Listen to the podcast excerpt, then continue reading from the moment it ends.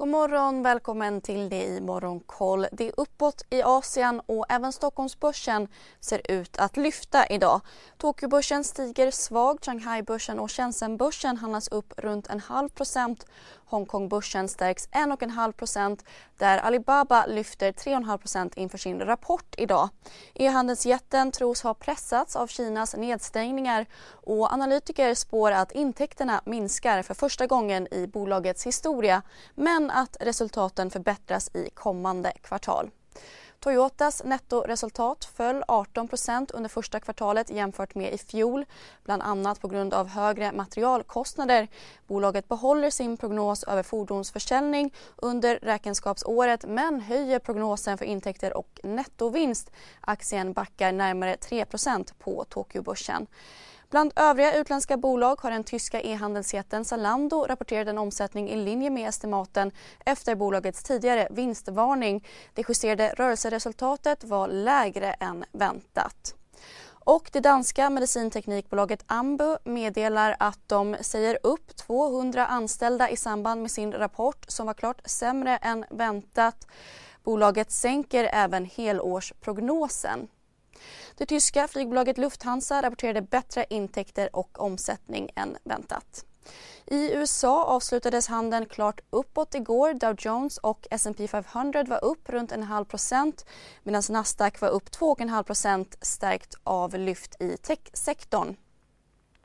Vidare steg inköpschefsindex för tjänstesektorn i USA till 56,7 i juli vilket var betydligt bättre än analytiker trott. Väntat var en nedgång till 53,5. Samtidigt kom flera Fed-ledamöter med hökaktiga uttalanden vilket fick räntorna att backa något. I de sekunderna när jag är i luften så är det en kamp på liv och död. I Spotlights serie Vinnarskallarna minns stjärnorna själva de dramatiska svenska sportögonblicken. Hör Anja Persson berätta om när hon kraschade i OS-backen men reste sig igen. Jag ville vinna över berget. Vinnarskallarna. Nytt avsnitt varje fredag. Sök efter podden Spotlight. Fed-chefen i Minneapolis sa att sannolikheten att centralbanken börjar sänka räntorna nästa år är väldigt liten. På råvarumarknaden föll oljepriserna tillbaka efter att amerikanska råoljelagren ökat oväntat mycket samtidigt som OPEC Plus meddelat att man höjer produktionsmålen med 100 000 fat per dag. Ett fat bränt handlas nu för runt 97 dollar fatet. Bland de amerikanska bolagen rusade läkemedelsjätten Moderna 16% och betalbolaget Paypal 9% efter rapporter som slog estimaten. Moderna rapporterade bättre omsättning och resultat än väntat. Även Paypal rapporterade bättre siffror än väntat och skruvade upp vinst samt intäktsförväntningarna för helåret. Det blev även känt att aktivistfonden Elliot Management har in ett innehav på över 2 miljarder dollar i bolaget. Dejtingtjänsten Match däremot gick mot strömmen och rasade 17,5% Rapporten var svagare än väntat. Intäktsprognoser eh, för det tredje kvartalet skruvades även ner till att motsvara en platt tillväxt och enligt bolaget beror justeringen bland annat på en negativ valutapåverkan.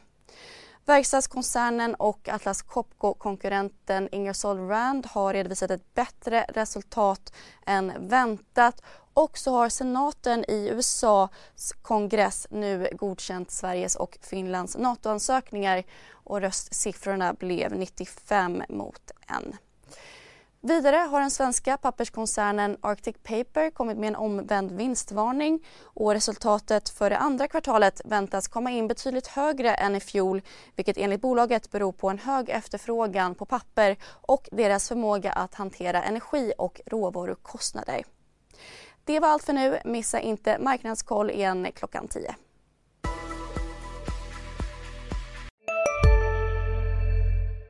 Har du också valt att bli egen?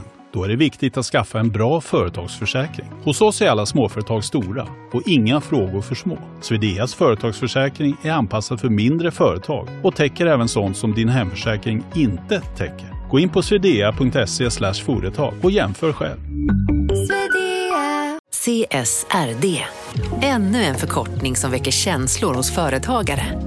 Men lugn, våra rådgivare här på PWC har koll på det som din verksamhet berörs av. Från hållbarhetslösningar och nya regelverk till affärsutveckling och ansvarsfulla AI-strategier. Välkommen till PWC.